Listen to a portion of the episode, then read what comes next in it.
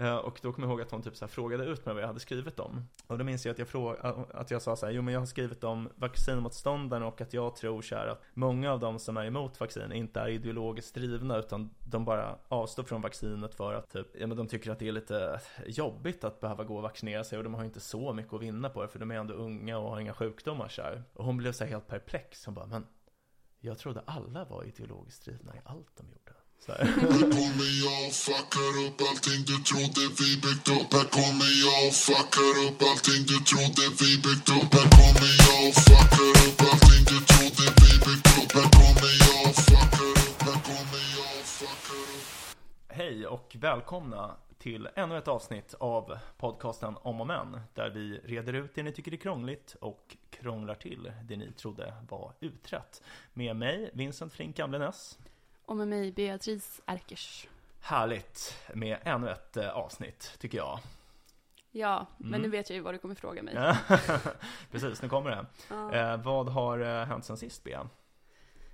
Ehm, ja.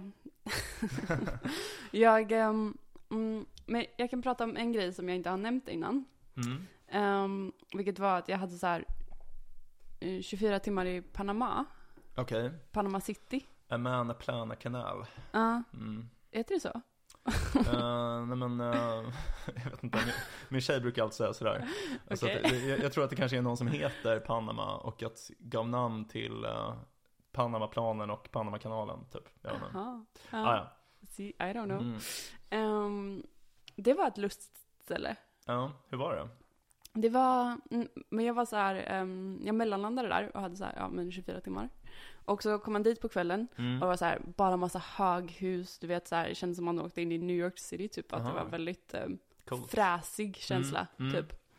Eh, och så, eh, när man kom, eh, dels alltså, det är um, så jobbigt med hotell där det är så här, du vet när det är typ, de ska bära upp ens grejer till rummet och sånt. Mm.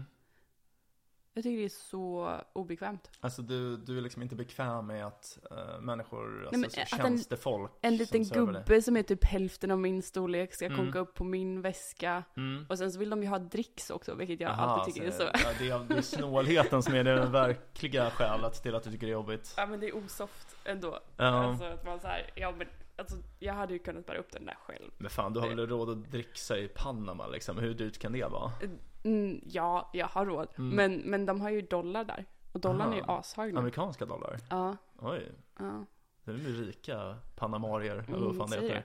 Men det var, Panamän. det, det roliga var att det var liksom en extrem kontraststad. För det var som Mhm. sagt, först så kom man in och såg det där typ. Mm.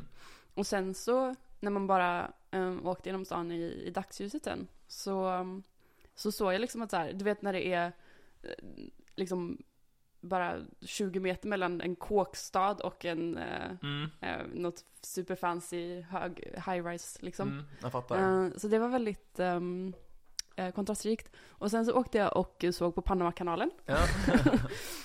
Det var faktiskt eh, över förväntan ändå. Mm. För det var, Var det en stor kanal? den var pytteliten. Aha, Eller så, det är väldigt trångt liksom. okej.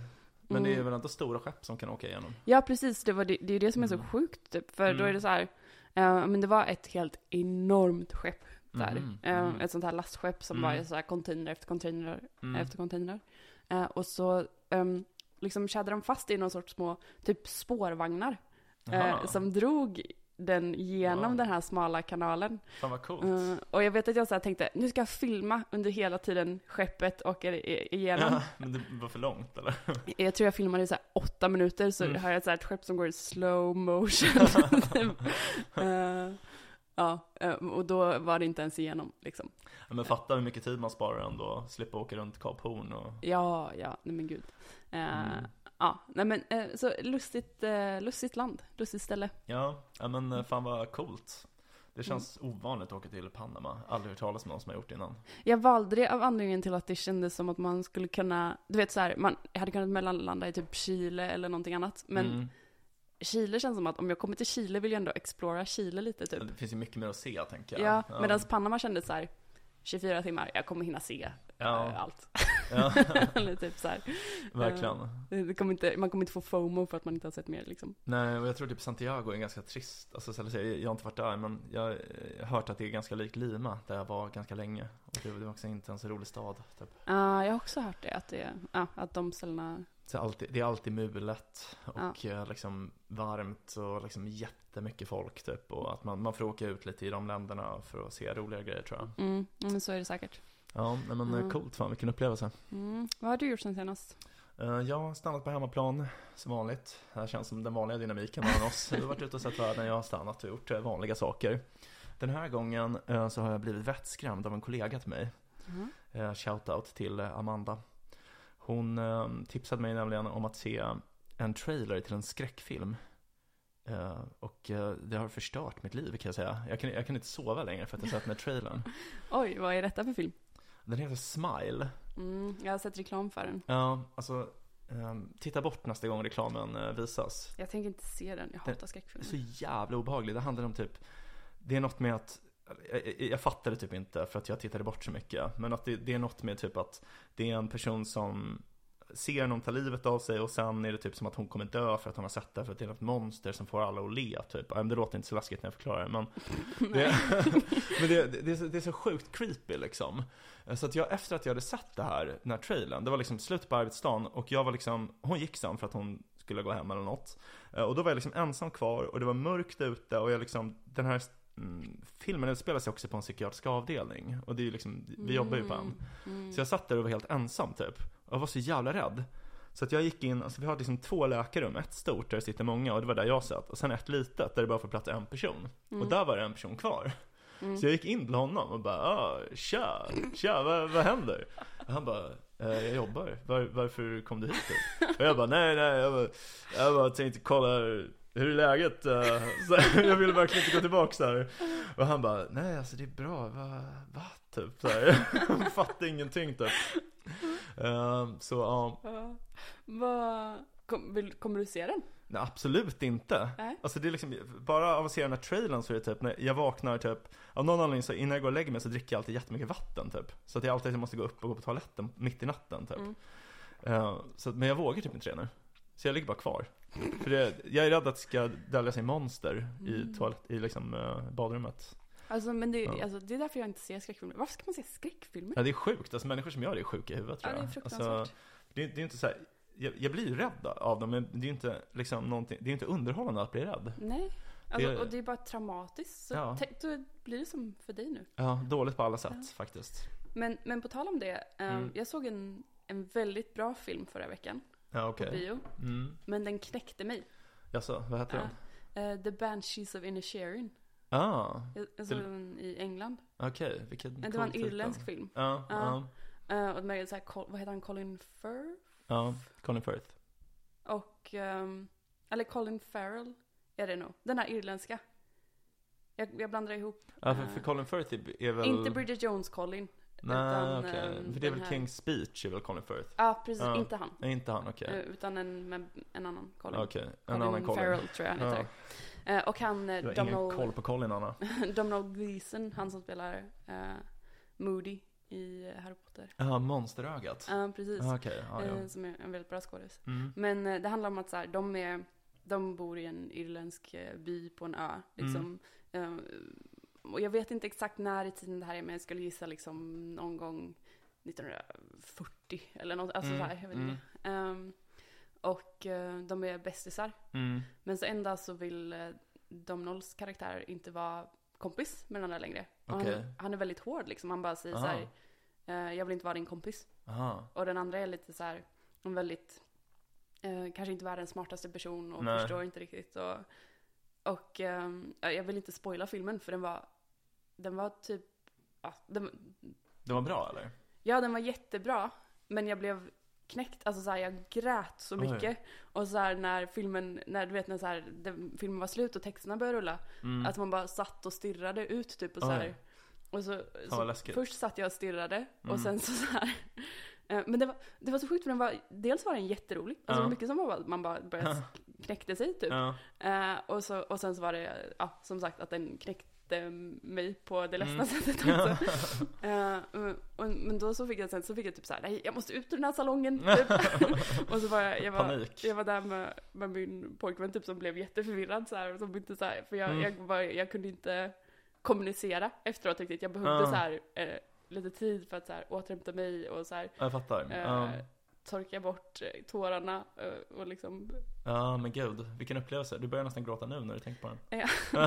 Men, eh, nej men så filmtips Ja. skulle jag nog ändå säga. The Banshees of Innis, Inisherin. Inisherin. Okej. Ja. Det Jag tror det är ön som heter Inisherin. Ja, jag tror att den, det är liksom prefixet inni betyder ö.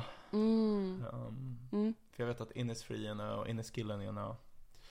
Mm. Um, Okej, nej, men uh, nice. Alltså, Banshees är väl uh, sådana som kan liksom göra människor liksom besatta. Eller liksom ta över människor. Ja, jag är inte säker. Eh, jag har inte fattat vad en uh, banshee är. Men det är någon sorts... eh, Kvinnliga spöken. Typ. Precis, det, Ja. det, var, det är den förklaringen jag har fått också. Ja, men okej. Mm. Coolt. Ja, nej men eh, så den var bra. Eh, bra, det är kul med bra kultur. Mm. Älskar kultur alltså. Ja, det är en tafatt segway här till dagens eh, ämne. Vårt eh, kulturella, kulturella, kulturella ämne. Mm. Eh, Lena Andersson, den kända författaren, Mm. är eh, ämne för dagens podcastavsnitt. Mm. Ehm, vi ehm, tycker om henne båda två, tror jag. Ja, är du en fanboy? Um, ja, alltså boy och boy, men en fan i varje fall. Ja. Det är jag. Jag har faktiskt ehm, träffat henne en gång. Mm. Hon eh, skrev för eh, samma tankesmedja som jag gjorde. Mm. Uh, Effie heter den. Mhm. Och ehm, Vad är det för något? eh, den heter um, Effie, vad fan står det för? Eh, alltså det är Public Health Institute. Ah, okej. Eh, men jag minns inte riktigt vad E stod för. Ja. Men, ah, ja. Skitsamma. Ehm, det är typ eh, som en, eh, ja men man ska skriva om typ folk, folkhälsofrågor. Så hon hade skrivit någon essä som handlade om ehm, att, typ, att äta nyttigt och sådär. Mm. Ehm, och vi var där för att typ spela in så här eh, promo-videos. Fast liksom hon hade sin egen och jag hade min egen. Och jag hade skrivit om, eh, jag gjorde ett reportage om vaccinmotståndare i Sverige. Som, ja, det har inte fått så mycket spridning tyvärr men jag var ganska nöjd med texten ändå. Mm. Mm. Men hur som helst, då, då träffade jag henne och det var liksom typ eh, februari, jättesnöigt, så här, eh, mörkt och så kallt. Och hon kom ändå cyklandes liksom. Mm. Och det kändes faktiskt så väldigt in character. Och hon hade så jättestora, vad heter det, såna här stora gummiskor som man sätter på sina vanliga skor. vad fan heter de? Någon sorts broddar? Nej, inte eller? broddar. Alltså här som man har när det är liksom Ja, galoscher. Ja, galoscher, eller- exakt. Ja, exakt, man tänker på, på det här eh, eh, Ny Demokrati-dragande galoscherna. eh, men, men i vilket fall, hon hade så här jättefärgglada galoscher och var liksom så här väldigt påpälsad och cyklade dit som var helt så här rosig om kinderna när hon liksom klev av cykeln och gick in i den här byggnaden och vi skulle spela in filmen. Eh, och då kommer jag ihåg att hon typ så här frågade ut mig vad jag hade skrivit om. Mm. Och då minns jag att jag, fråg, att jag sa så här, jo men jag har skrivit om vaccinmotståndarna och att jag tror så här att många av de som är emot vaccin inte är ideologiskt drivna utan de bara avstår från vaccinet för att typ eh, Ja men de tycker att det är lite jobbigt att behöva gå och vaccinera sig och de har inte så mycket att vinna på det för de är ändå unga och har inga sjukdomar så här. Och hon blev så här helt perplex, hon bara men Jag trodde alla var ideologiskt drivna i allt de gjorde så här. Och man märkte verkligen såhär, gud det är verkligen så hon ser världen typ Mm. och ehm, jag, jag, jag tänkte på något sätt då att det, så här, det fick mig att betrakta hennes texter lite i ett annat ljus, typ att hon ser det så. Mm. Att allting bara är idéer, typ. Mm. Ehm, ja, intressant. Ja men verkligen. Mm. Ja men hon känns ju som en person som, som ser världen så. Jag tror det, Eh, Som ja. sagt. Ja. Det är liksom raka motsatsen till den här marxistiska samhällssynen eller människosynen, att det är de materiella förhållandena som avgör eh, våra liv, avgör vad vi tycker och vad vi tänker. Mm. Att eh, hon eh, verkar vara liksom motsatsen då, att hon ser att det är liksom idéerna som eh, orsakar de materiella förhållandena snarare. Mm. Ja, intressant. Mm. Men jag funderar på om vi ska backa bandet lite och bara säga vem hon är typ. Ehm, så- precis. Nej, men hon är ju liksom en romanförfattare eh, som eh, hon har skrivit väldigt länge kan man säga. Eh, men hon slog igenom med egenmäktigt förfarande som kom, när var det, 2013 eller sånt där? Mm. Jag minns inte. Mm. Där i krokarna, eh, 2012, 2013. Och är liksom, handlar om en kärleksaffär sådär. Um, sen har hon liksom skrivit mycket om svensk historia, om folkhemmet, socialdemokratiska rörelsen. Uh, skrivit en bok som heter Sveason.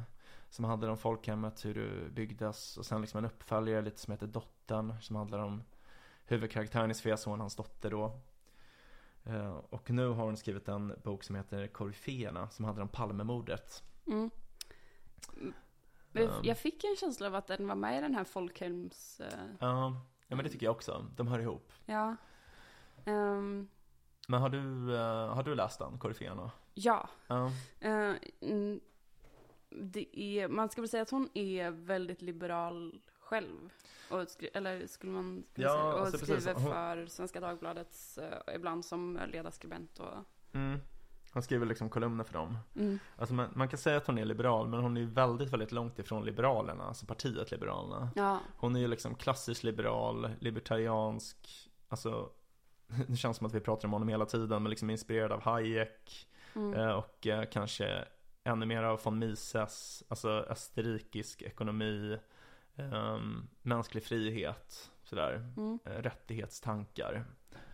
Eh, den Mm. typen av eh, ja, men, tankegods då, kan Mm. man säga.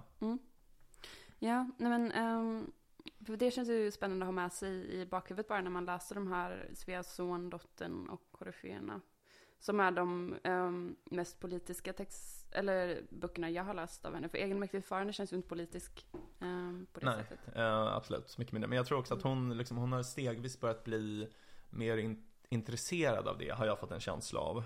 Alltså hon har börjat bli mer intresserad av Ja. politik. Det håller jag med om. Um, sådär, för att man lyssnar på, jag lyssnade någon gång på ett väldigt gammalt sommarprat som kom typ innan hon skrev egenmäktigt förfarande. Mm. Och då är det mer så att de pratar om typ religion och sådär, att hon är väldigt emot religion typ och, och då är hon mer inne på det här humanistiska tankespåret typ. Så att det känns som att hon nu har börjat med det här med politik istället senaste liksom sex åren typ. Mm. Men det kan ju också vara typ att politiken har gjort liksom en vändning som hon tycker är intressant. Är, man vet ju inte liksom vad, vad, som är, vad det är som har ändrats, om det är hon då eller politiken. Mm. Mm. Um, Ja men Så- för de uh, egenmäktigt förfarande och allvarligt talat och Mm. de böckerna. Eh, jag har bara läst egenmäktigt förfarande. Men de är, Mm. känns som att de handlar om kärlek. Eh, allvarligt talat är texter från det här radioprogrammet. Jaha, okej. Um, Men egenmäktigt förfarande och uppföljaren, vad är det den heter? eh, den heter Utan personligt Utan personligt ansvar. ansvar, just det. Um, exakt. Um, men det, hon, hon gjorde det här radioprogrammet, allvarligt talat, där lyssnare av Sveriges Radio kan skriva in med frågor till, som hon gjorde tillsammans med Horace Engdahl då. Mm. Det var, det var väldigt bra. De byter ju hela tiden värdar för det programmet, men jag tycker typ att hon var den bästa. Horace Engdahl tyckte jag också om, men det är ju mest för att jag tycker så mycket om honom. Jag tyckte typ inte att han gjorde sig jättebra just det sammanhanget egentligen. Eh, Han har också en ganska dålig radioröst, Ah. tycker jag. Alltså det, det är ändå, Det är viktigare än vad man tror, Ja, faktiskt. faktiskt. Ja. Ehm, nej, men eh, så nu har jag läst Koryféerna som Ja. den senaste boken. Ja, Och eh, tyckte den var väldigt kul. ja, alltså hennes bästa hittills tycker jag. Ja. Kan varmt rekommendera. Ja. Um, bara handlingen lite snabbt då. Mm. Den utspelar sig i ett land som heter Thule. Mm. Ehm, och eh, i det här landet Thule då eh, så um, har um, statsministern, eller försteministern som jag tror han heter i boken, Karl Stjärne blivit mördad. Mm. Ehm, och det är liksom uppenbart att det här är, alltså att det här handlar om Palmemordet egentligen. Men av någon anledning har de bara bytt namnen. Men jag tycker ändå att så här, det gör det bättre på något sätt att de byter Mm. att de byter namnen. För att det det är också typ så här, det är någon typ eh, Alltså det är någon del precis i början av romanen där de säger så här Händelserna i den här boken utspelar sig i ett land långt upp i norr vid namn Thule Mm. Under bokens gång kommer vi referera till det som Sverige Men det är ändå Thule det handlar om så här. Mm. Sen skriver de Sverige eller? Så det är liksom något så förvirrande Varför kunde hon inte bara stryka det där och bara prata om Sverige? Det känns Det- som någon sorts metakommentar då kring... eh, Ja Alltså precis, det, det, det är ju det för att det är um, Är det Kjell Espmark tror jag som har skrivit en bok som heter Resan till Thule mhm. Som är typ en En, en, väl, en väldigt välskriven bok som handlar om att det är en, en av de franska um, författarna till encyklopedin under upplysningstiden som reser till Sverige, alltså under, under upplysningen. Och, men han reser liksom inte till Sverige då på 1700-talet utan han reser till Sverige under typ 90-talet. Mm. Så det är liksom, hur skulle en upplysningsman betrakta eh, det nuvarande Sverige typ? Mm. Eh, så det är väl lite en kommentar till det, för jag vet att hon, Lena Andersson, tycker mycket om den boken, hon har skrivit om den tidigare. Mm. Mm. Ehm, så så det, men det är liksom hennes, i den här boken så tycker jag att hon är liksom verkligen skärskådar det svenska samhället. Ehm, sådär. Ja.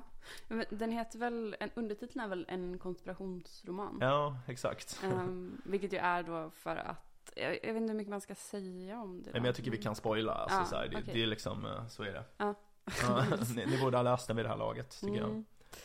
Eh, ja, men en konspirationsroman för att, um, du nämnde det här i något tidigare avsnitt också, att liksom det handlar om att eh, den här Karl Stjärne då, eh, egentligen Olof Palme då, Ja. eh, har eh, em, gått samman med Sovjet, eller liksom gjort något, eh, eh, beblandat sig med Sovjetunionen för att eh, Sovjetunionen ska bli socialdemokratiskt. Ja, exakt. Ehm, och eh, Så det är inte att han säljer ut Sverige till Sovjet, utan det är liksom som att han, eh, att Sovjet säljs ut till Sverige.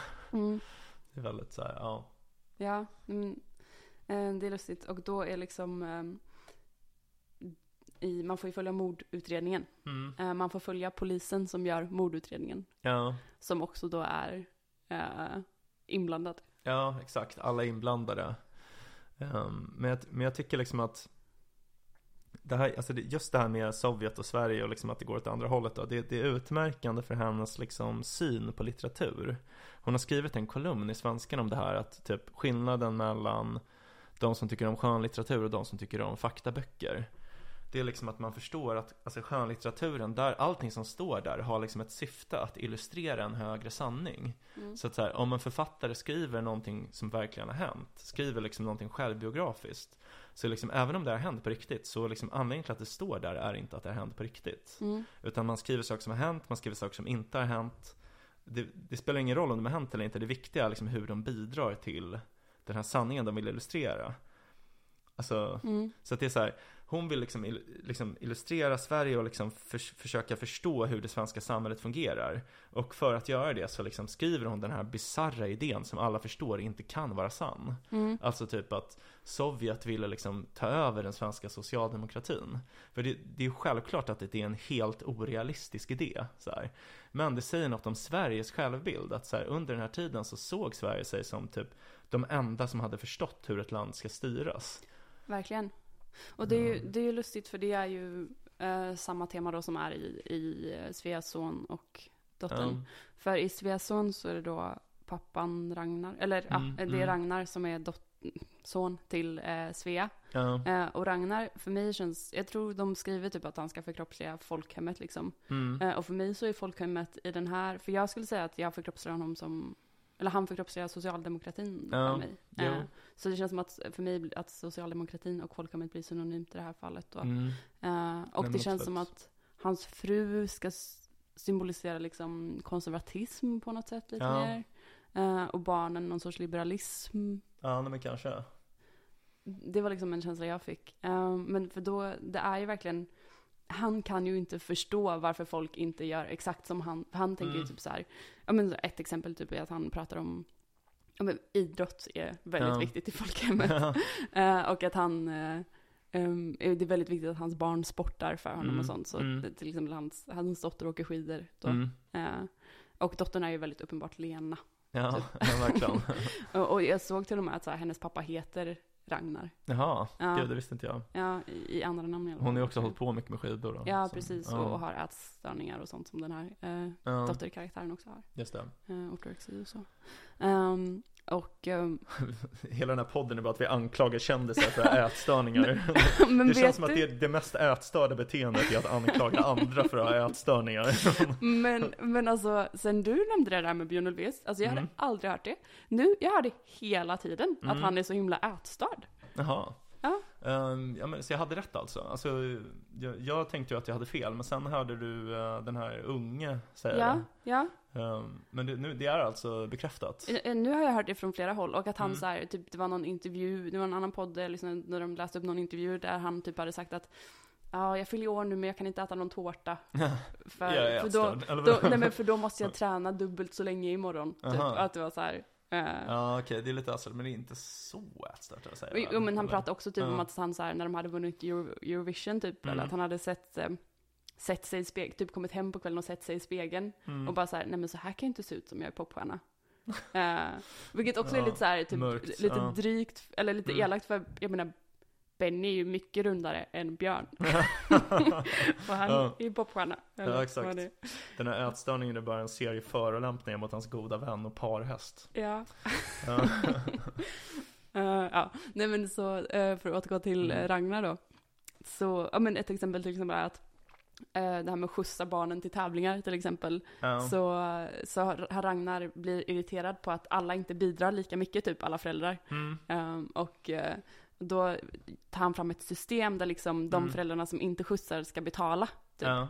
Och sen så är det vissa andra föräldrar som, som börjar gå emot Ragnar Ja. efter ett tag. Så här, ett tag så funkar det här. Mm. Eh, men sen så är det några föräldrar som bara inte vill göra det här. De typ, Mm. nej men jag vill inte ta betalt från Mm. det här. Typ. Och, då, Mm. och då blir han så här, han bara Han förstår kan inte. inte, koppla, kan Nej. inte förstå varför. Mm. Men han bara, men mitt system är objektivt bättre. Ja. Varför vill inte alla det är göra? rättvist liksom. Ja. Ja. Det låter väldigt sossigt. So- Sosse-Ragnar som inte fattar. Mm. Inte förstår någonting. Ja, nej, men det, det är också en bra bok. Men, men jag tycker ändå den här koryféerna tar priset alltså. Ja, kör, du får... ehm, Alltså det, för- för det handlar ju då om, alltså det handlar om Palmemordet, men det är inte egentligen direkt. Alltså för att jag skulle säga huvudpersonen är ju en person långt i framtiden. mm, En journalist som är så här väldigt luttrad och liksom de beskriver hur han i ungdomen ändå hade liksom så här höga tankar om så vad han skulle göra med sitt liv. Men sen kom han in i den här journalistbranschen och jag tycker att hon skildrar det väldigt bra. Så hur liksom alla är så himla blaserade och det, det enda som är hög status är att liksom ehm, inte visa att man bryr sig om något utan bara skriva ironiska krönikor typ. Det är ju verkligen så i den, i den världen liksom. mm, Men sen får de typ i uppdrag att skriva om det här statsministermordet på något sätt. Ehm, och, men, men han ska liksom skriva om konspirationsteorier kring det. Mm. Typ så här. Och då tänker man att han ska liksom skriva något ironiskt och liksom förlöjligande om människor som tror att det fanns en konspiration bakom mordet Mm. på, på Karl Stjärner då. Och då träffar han den här eh, Nils Nia.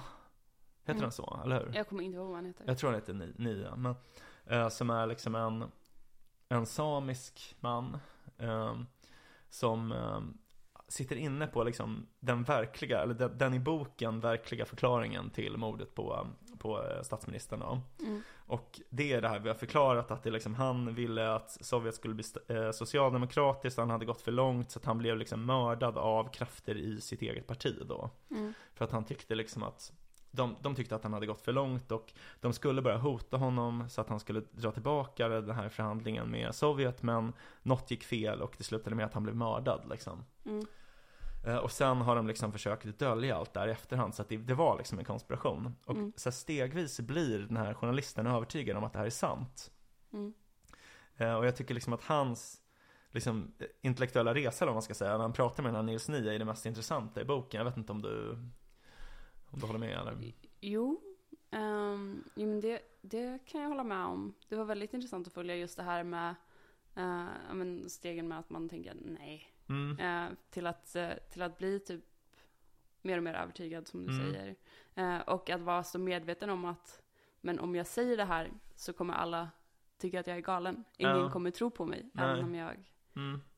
lägger fram det. Så, så på så sätt så är det ju intressant med hela konspirationsteori-grejen eftersom det är i mm, vårt mainstream-samhälle Mm. eh, väldigt kontroversiellt med konspirationsteorier. Tänker jag. Mm. Mm. Eh, medans, ehm, och att det blir en sån där social statusgrej att om du, om du skulle, de flesta konspirationsteorier är ju antagligen inte sant. Nej. Men ehm, det finns ju också potentiellt, alltså det är ju inte omöjligt att någon konspirationsteori är sann.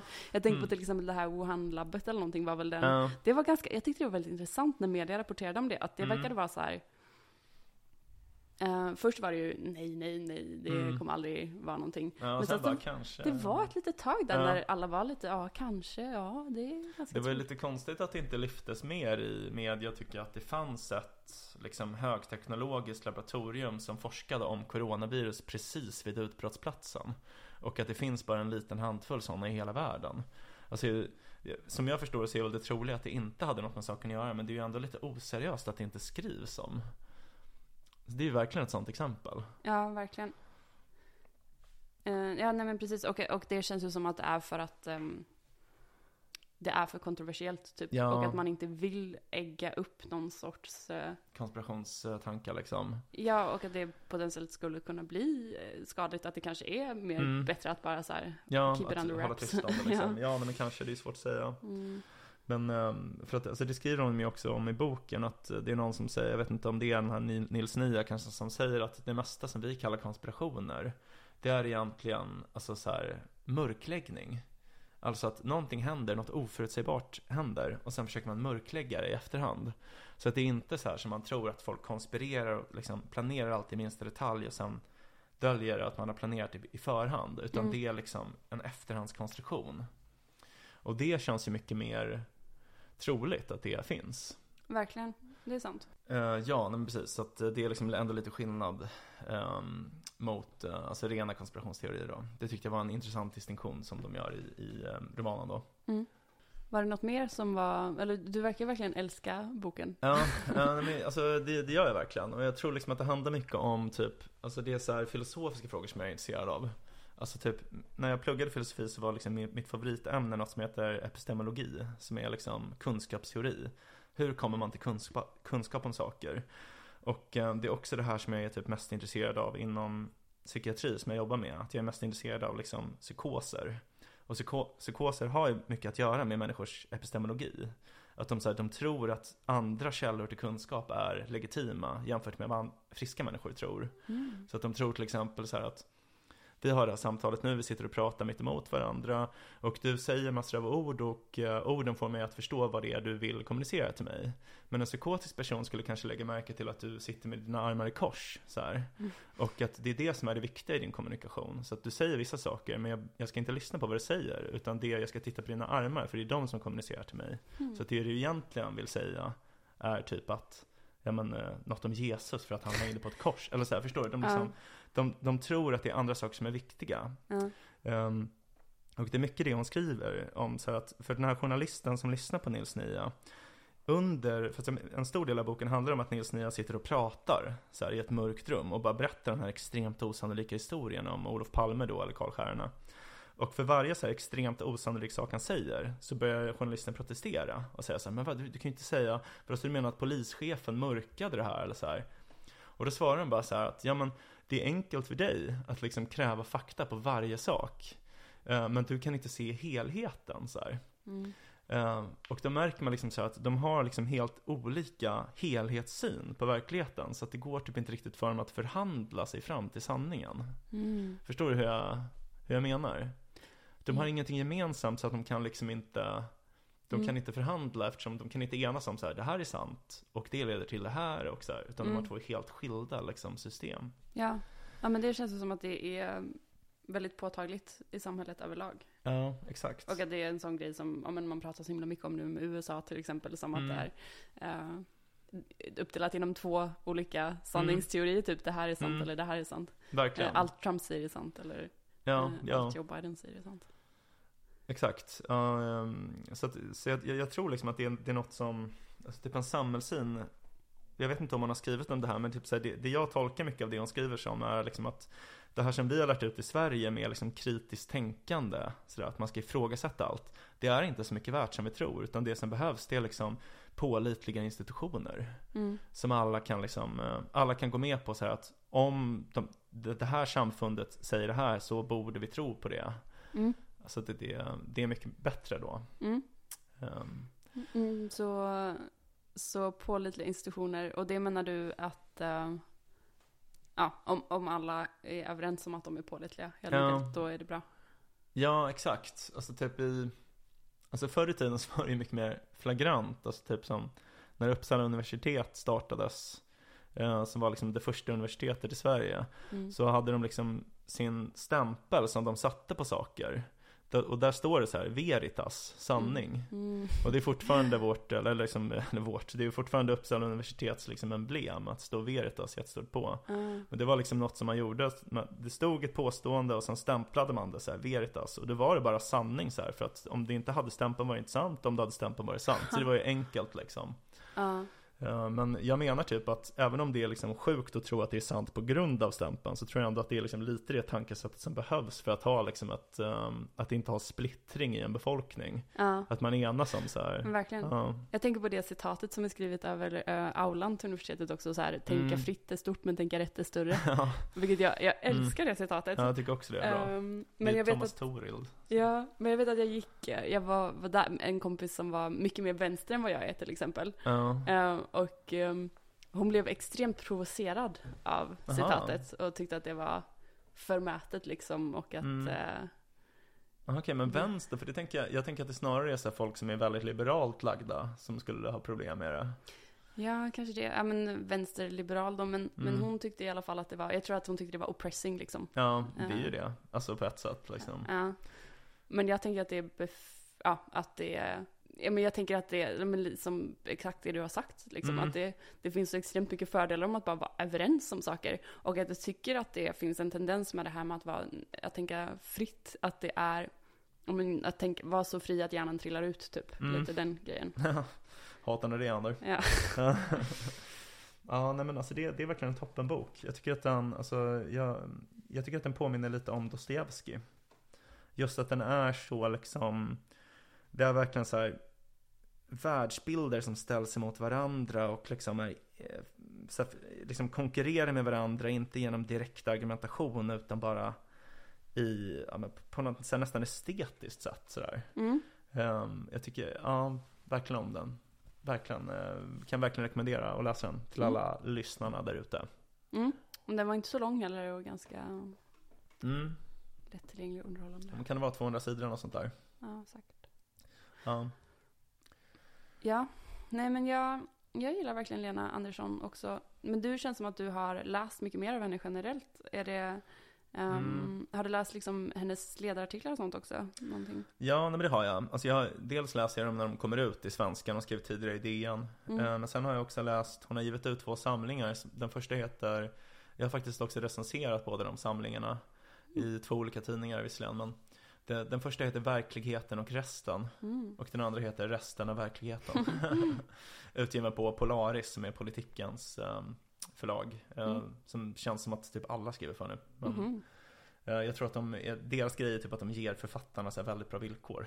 Mm. Så det är därför de får så stora namn till sig typ. Det var ju smart ändå. Ja, men verkligen. Ehm, men, ehm, ja men de, eh, Men det är samlingar av hennes artiklar då? eller Mm, vad? precis, hennes ledarartiklar. Och där är liksom mycket så här. Jag kommer ihåg när jag läste den senaste, resten av verkligheten som kom ut typ 2021 eller något sånt där tror jag. Mm.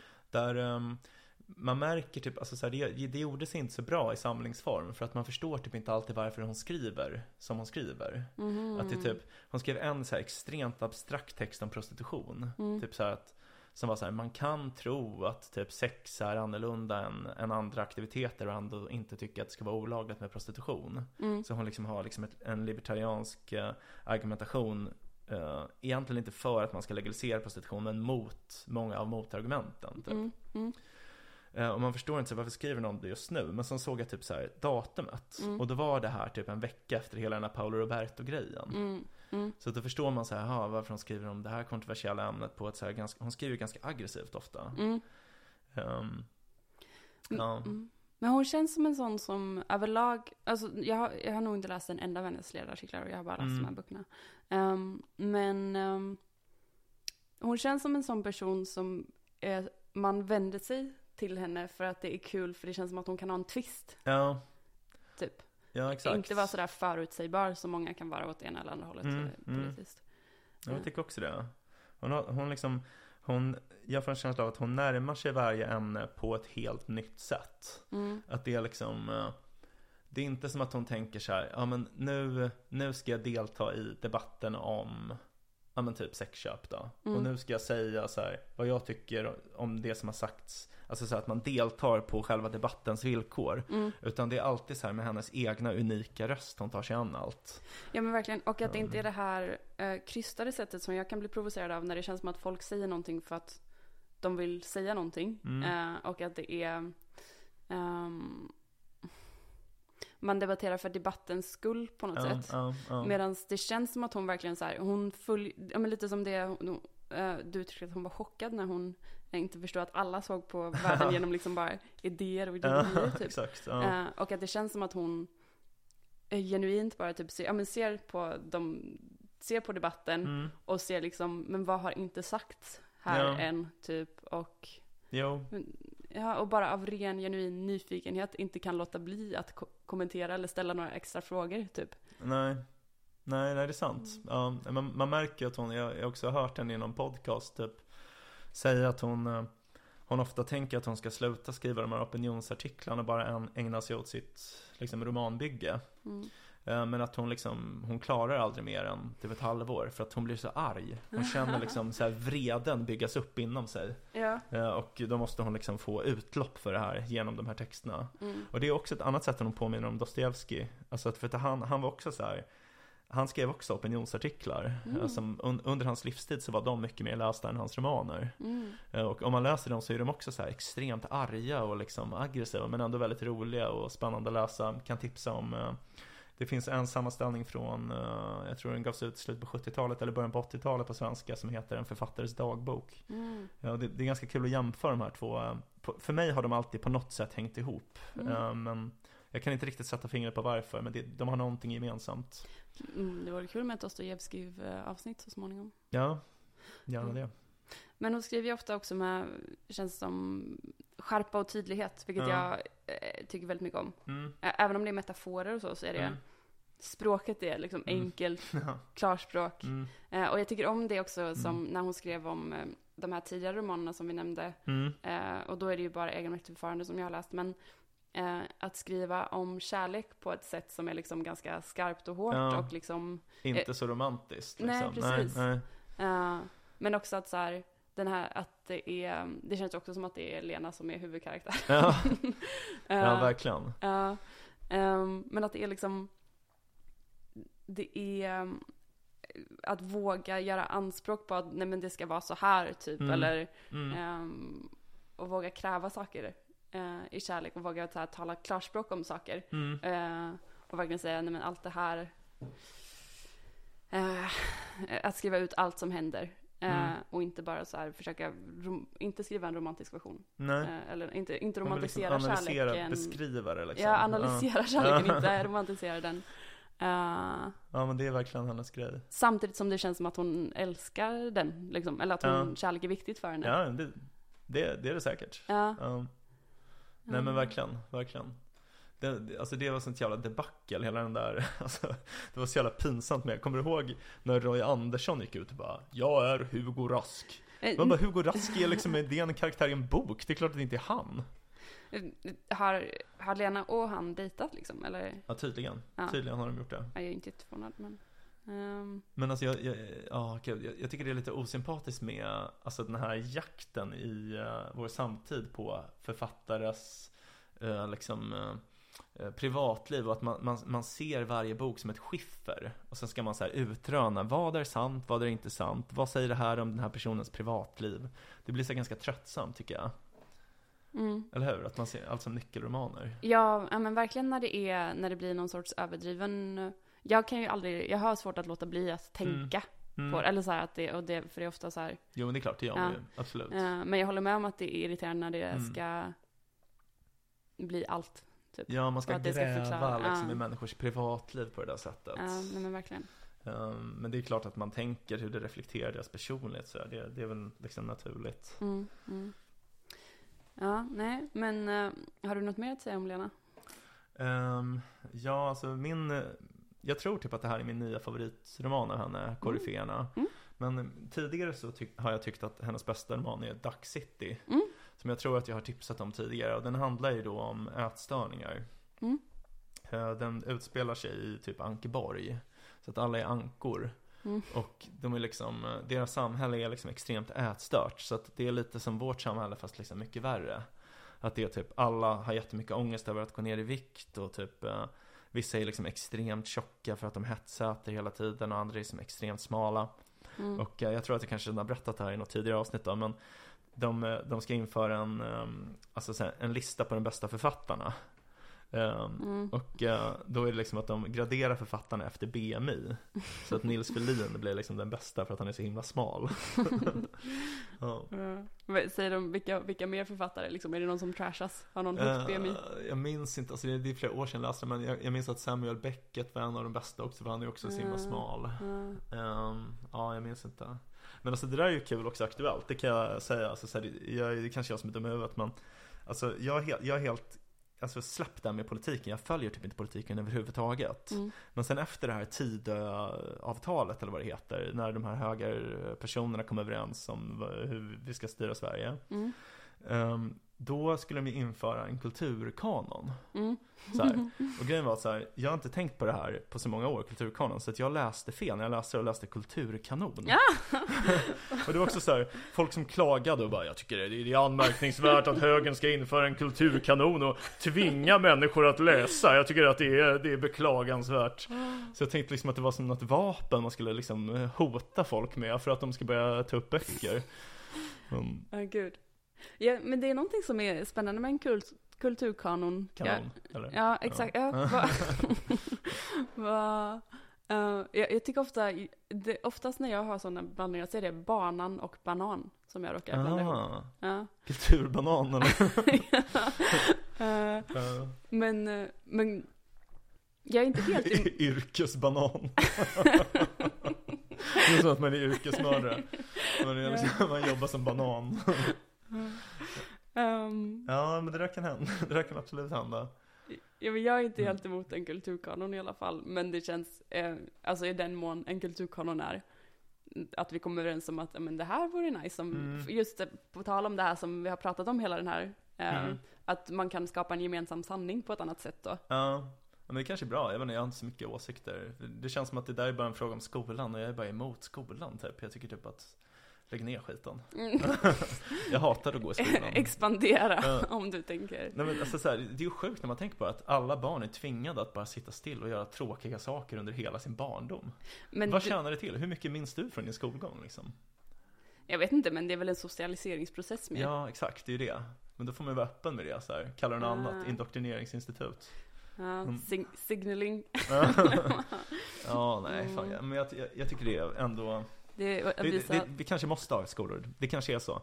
Men jag tycker ändå att det är alltså, tragiskt att man, att man gör så mot barnen. För det är, så här, det är så oerhört roligt att vara barn och bara vara ute och leka. Och alla vuxna bara så här, det enda vuxna vill är bara att tvinga dem att avstå från det som de älskar att göra. För att bara sitta still och tråkas ut. Alltså, det hade säkert i en idealvärld kunnat finnas ett bättre sätt Mm. eh, än att ha skola som vi har det nu. Men jag tänker så här, det är ett ehm, sammanhang där du får träffa andra barn. Jo. Och du får leka på rasterna och du... Ja men på resterna, det är så lite tid. Alltså kan de inte få le- alltså, jag, jag kan tänka mig att ha skola kanske mellan en och en och en halv timme om dagen. Och sen bara fritids, lek liksom. Det, Mm, det kan jag gå med på. Okej, Och då kan man lära sig läsa, skriva och räkna. Och ingenting annat. Ingen, ingen kulturkanon. okej. Utan bara fri lek liksom. Ja. Det är mitt idealsamhälle. Ja, men om jag, Mm. okej. ja. Mm. jag, eh, jag låter dig, eh, jag låter dig säga så och så Ja, säger jag inte så mycket mer. Ehm, jag tycker att skolan kan förbättras, men jag, jag tror jag är biased att jag tyckte att skolan var så kul, typ. Aha, jag trivdes så bra. Ehm, Sjukt. Vadå, alltså även liksom grundskolan? den var bäst, jag pikade. Mm. Jag tyckte att, alltså så här, när man började på universitetet började det ju bli väldigt kul. För då var det så här utmanande uppgifter och man fick göra allting på sina egna villkor. Man kunde läsa hur många högskolepoäng man ville för att i Sverige är allting gratis och man kan skriva upp sig på hur många kurser man vill. Det har de i och för sig ändrat nu sen vi gick. Jaså? Nu finns det en gräns, man får bara plugga 200%. Jaha. Förut kunde man plugga 800 liksom. Mm. Ja, nej, nej men ehm, jag tyckte från högst, högstadiet gymnasiet var trist. Men eh, grundskolan var svinkul, ehm, tycker jag. Okej, ja, jag tyckte inte alls. Mm. Ja, Jag tyckte, alltså, det var, jag tyckte högstadiet och gymnasiet var en väldigt rolig tid i mitt liv. Men det var ju inte på grund av pluggat liksom. Det var ju Ja. för att man hade vänner. Ja, det var inte Så. så kul för mig. ja, sorry. Jo, nej, men det, jag hade också vänner. Eh, Men jag hade, nej, men jag hade roligare på eh, när jag var yngre. Ehm, det var ju, eh, ja, nej, vi lämnar det. Mm. Men eh, det var någonting jag skulle säga. Som hade Eh. med skolan att göra eller? Kulturkanon. Ah, Det, alltså. hålla som- ihop samhället. Ja, alltså jag tycker att, ehm, men det är ändå så här om man, ehm, det, det var väl, eh, ja, det är så svårt att ha en gemensam sanning nu när det finns ett sånt brett utbud av kultur och alla har så liksom, man har sin influencer typ eller så som är liksom, Mm. eh, och du kanske är besatt av en influencer som jag aldrig i mitt liv har hört talas om, men den personen har tre miljoner följare eller något. Alltså så här att Mm, det är, mm. Ehm, och då, då är det ändå svårt att skapa en gemensam sanning och just det här med eh, konspirationsteorier och sånt.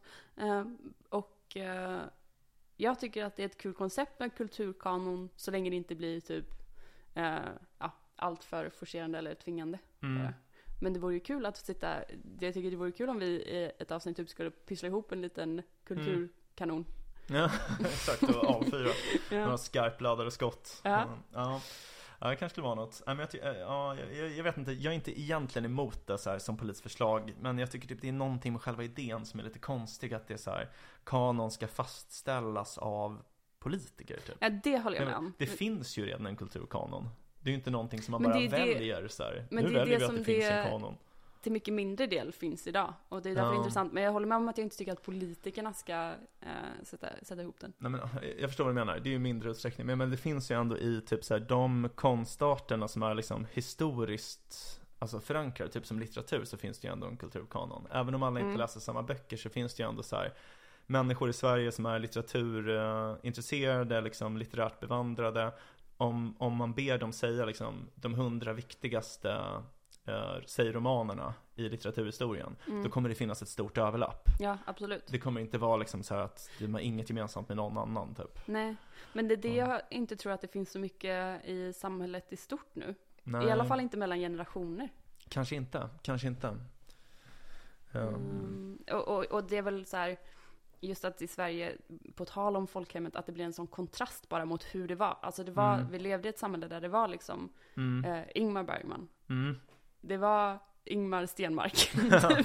det var, Det var Ingmar Astrid Lindgren. Ja, eh, alltså ja, så här, det, nu är det liksom bara granatsplitter typ. Mm.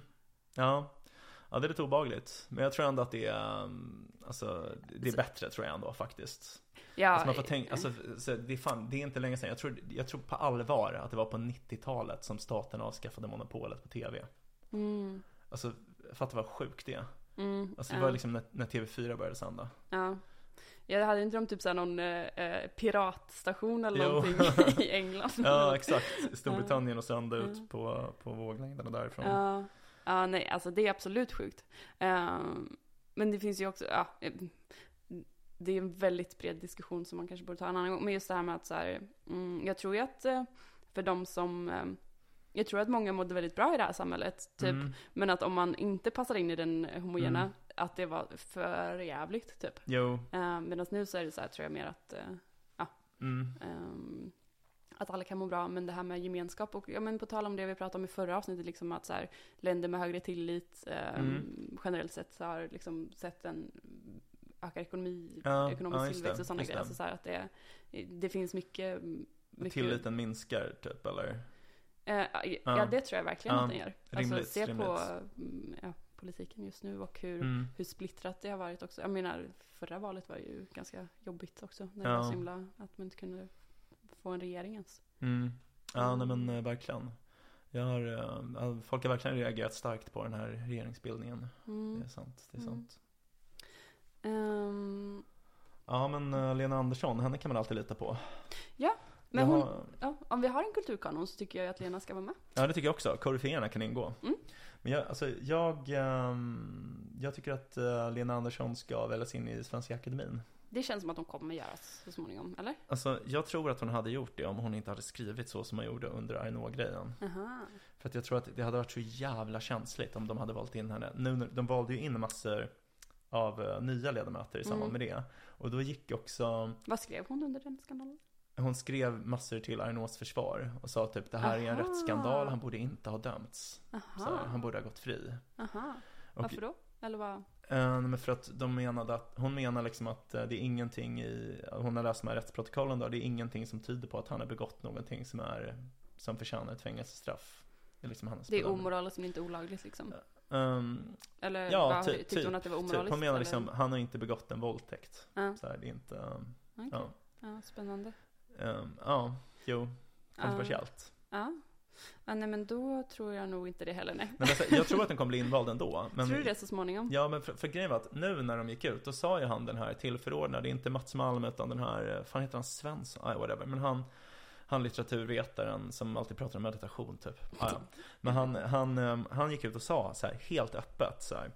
Ja men vi, vi, vi vill ha kvinnliga ledamöter. Så här, Ja. vi, vi kommer framförallt leta efter kvinnor nu. Så Ja. det, och, så, och det hade ju varit perfekt då för henne. För att hon var ju re, alltså redan så här väldigt välkvalificerad. Ja, Och dessutom att de sa det här helt öppet att de ska ja, välja efter vilket kön man har. mm, Men så, så jag tror att hon hade lätt kommit med om hon inte hade skrivit där. mm. Det känns som att hon och Åsa Wikfors skulle kunna ha intressanta diskussioner. Mm. Eh, Jag tror inte att hon tycker så mycket om Åsa Wikfors. nej, precis. Jag tror, jag tror att Mm. de, det är det jag menar lite, Mm. att jag tror att de skulle kunna ha uh, feisty eh, diskussioner. Men, Mm. men de känns ändå båda som att de är väldigt intresserade av epistemologi och sådana grejer. Att det är liksom, Ja, jo absolut. Hon är, ju- hon är väl professor i det, Åsa Wikfors. ja, nej, Men men, förminskande att säga bara, hon är nog lite intresserad. och så verkligen, Ja, och när man är en kvinnlig akademiker så här, ja hon har det som sin lilla hobby. Hon är, ja, Exakt. nej men eh, jag, jag, tycker om båda. Men alltså en, en grej med Lena Andersson som är lite chockerande ändå på ett sätt. Ja. Alltså det, det, det är kanske lite oskönt mot henne att säga så här av mig. Det är verkligen inte menat som ett påhopp. Men alltså i hennes texter så är hon ofta lite aggressiv, eller hur? Så. Men, men när hon träffar, man ser henne i, i panelsamtal och så, hon pratar med folk, så är hon alltid väldigt vänlig. Mhm, Sådär. mm, Så här, och, och det är lite chockerande för mig. mm, Eller hur? För man får intryck av att hon är en ganska så här intrigant, bråkig person. mm. Men det tror jag verkligen inte att hon är. Alltså, Jag tror, i den, jag tror jag har sett henne några gånger också. Jag tror hon kan ha varit med på något event med Fri Tanke och sånt. För hon, hon, översatt, hon jobbade som översättare också förr. Så hon Jaha. översatte Fri Tankes första bok vet jag. Vilket Jaha. var den här ehm, Sam Harris, tror jag, typ så här, alltså du vet någon antireligionsbok. jaha, gud vad, Ja. vad intressant. För hon var kompis med Christer Sturmark som jag pratat om. Mm, via Eh, humanisterna kanske. Ja, precis. var aktiv där också. Det skulle jag tippa. Eh, men så då vet jag att hon giggade som översättare liksom. Mm. Eh, men, ja, men jag uppfattar henne som väldigt så här, vilket jag uppfattar henne som i också, alltså som att hon, hon sitter och tänker stenhårt, Ja, typ. verkligen. Och jobbar upp en irritation. Medan hon tänker bara "Åh!" Och sen utmynnar det liksom en, en roman eller en, eh, Ja. en opinionsartikel. Ja. Ja, nej men sant. Mm. Det, det, det, det tror jag också. Men jag, jag tror också typ att hon, för att hon, när, när hon blev känd, hon hade liksom som ett litet genombrott innan eh, innan egenmäktigt förfarande som var det här sommarpratet som jag pratade om tidigare. Och där säger hon typ att Jesus var en ond person. Ah. Att han var en ondskefull man, Jesus. Mhm. Och det här fick massor av uppmärksamhet, folk blev jättearga, framförallt kristna då förstås. Eh, Så att hon gjorde sig lite som ett, na- eh, li- lite ett namn som, eh, som ateist och som liksom, ja men som den här Sam Harris-typen, New Atheist-rörelsen, humanisterna liksom. Mm. Men nu, alltså så här, jag var på något, alltså jag nämnt tidigare att jag skrev för katolska kyrkans tidning Signum. Mm. Och i samband med att jag skrev för dem så blev jag bjuden på ett symposium eh, som var på Norra Latin för eh, något år sedan typ. Mm. Och då föreläste hon där. Mm. Eh, och då märkte man så att hon var liksom eh, kompis med vissa av de här prästerna typ. Och Mm. så här, verkligen inne. Och så typ så när jag läser henne så för det ibland tankarna till ja, men religiösa eh, Mm. författare. Så att Mm. jag tror att hon har, hon har vänt lite på Mm. något sätt. Så jag och en kompis, vi har ett vad om när hon kommer konvertera. Ha. Okej, vad, vad bettar ni eller vad är det som... Eh, vi bettar ehm, en middag på Tennstopet. Okej, Mm. och vad har du för... eh, Jag tror att hon kommer konvertera eh, inom... innan hon dör. Innan hon dör? Okej. Och Alltså, han jag, tror jag, att... jag, alltså vi utgår från att vi båda kommer att överleva henne. Ah, Eftersom hon okej. ändå är, ja men åtminstone tio år äldre än oss måste hon ju vara. Jag vet inte hur gammal hon är. Men Så, så du bettar att hon kommer konvertera och din Mm. kompis att hon inte? ja, han bättrar emot ja. Okej. Mm. Mm. Mm. Ja, vi får se. Spännande. Ja. Vi får se. Har du råd med en middag på Tennstopet då? ja, jo men det, det tror jag ändå. Så, så knapert har jag inte. Nej. Vad, det menade jag inte att antyda. Nej. Ehm, vad, eh, ja, ska vi säga så?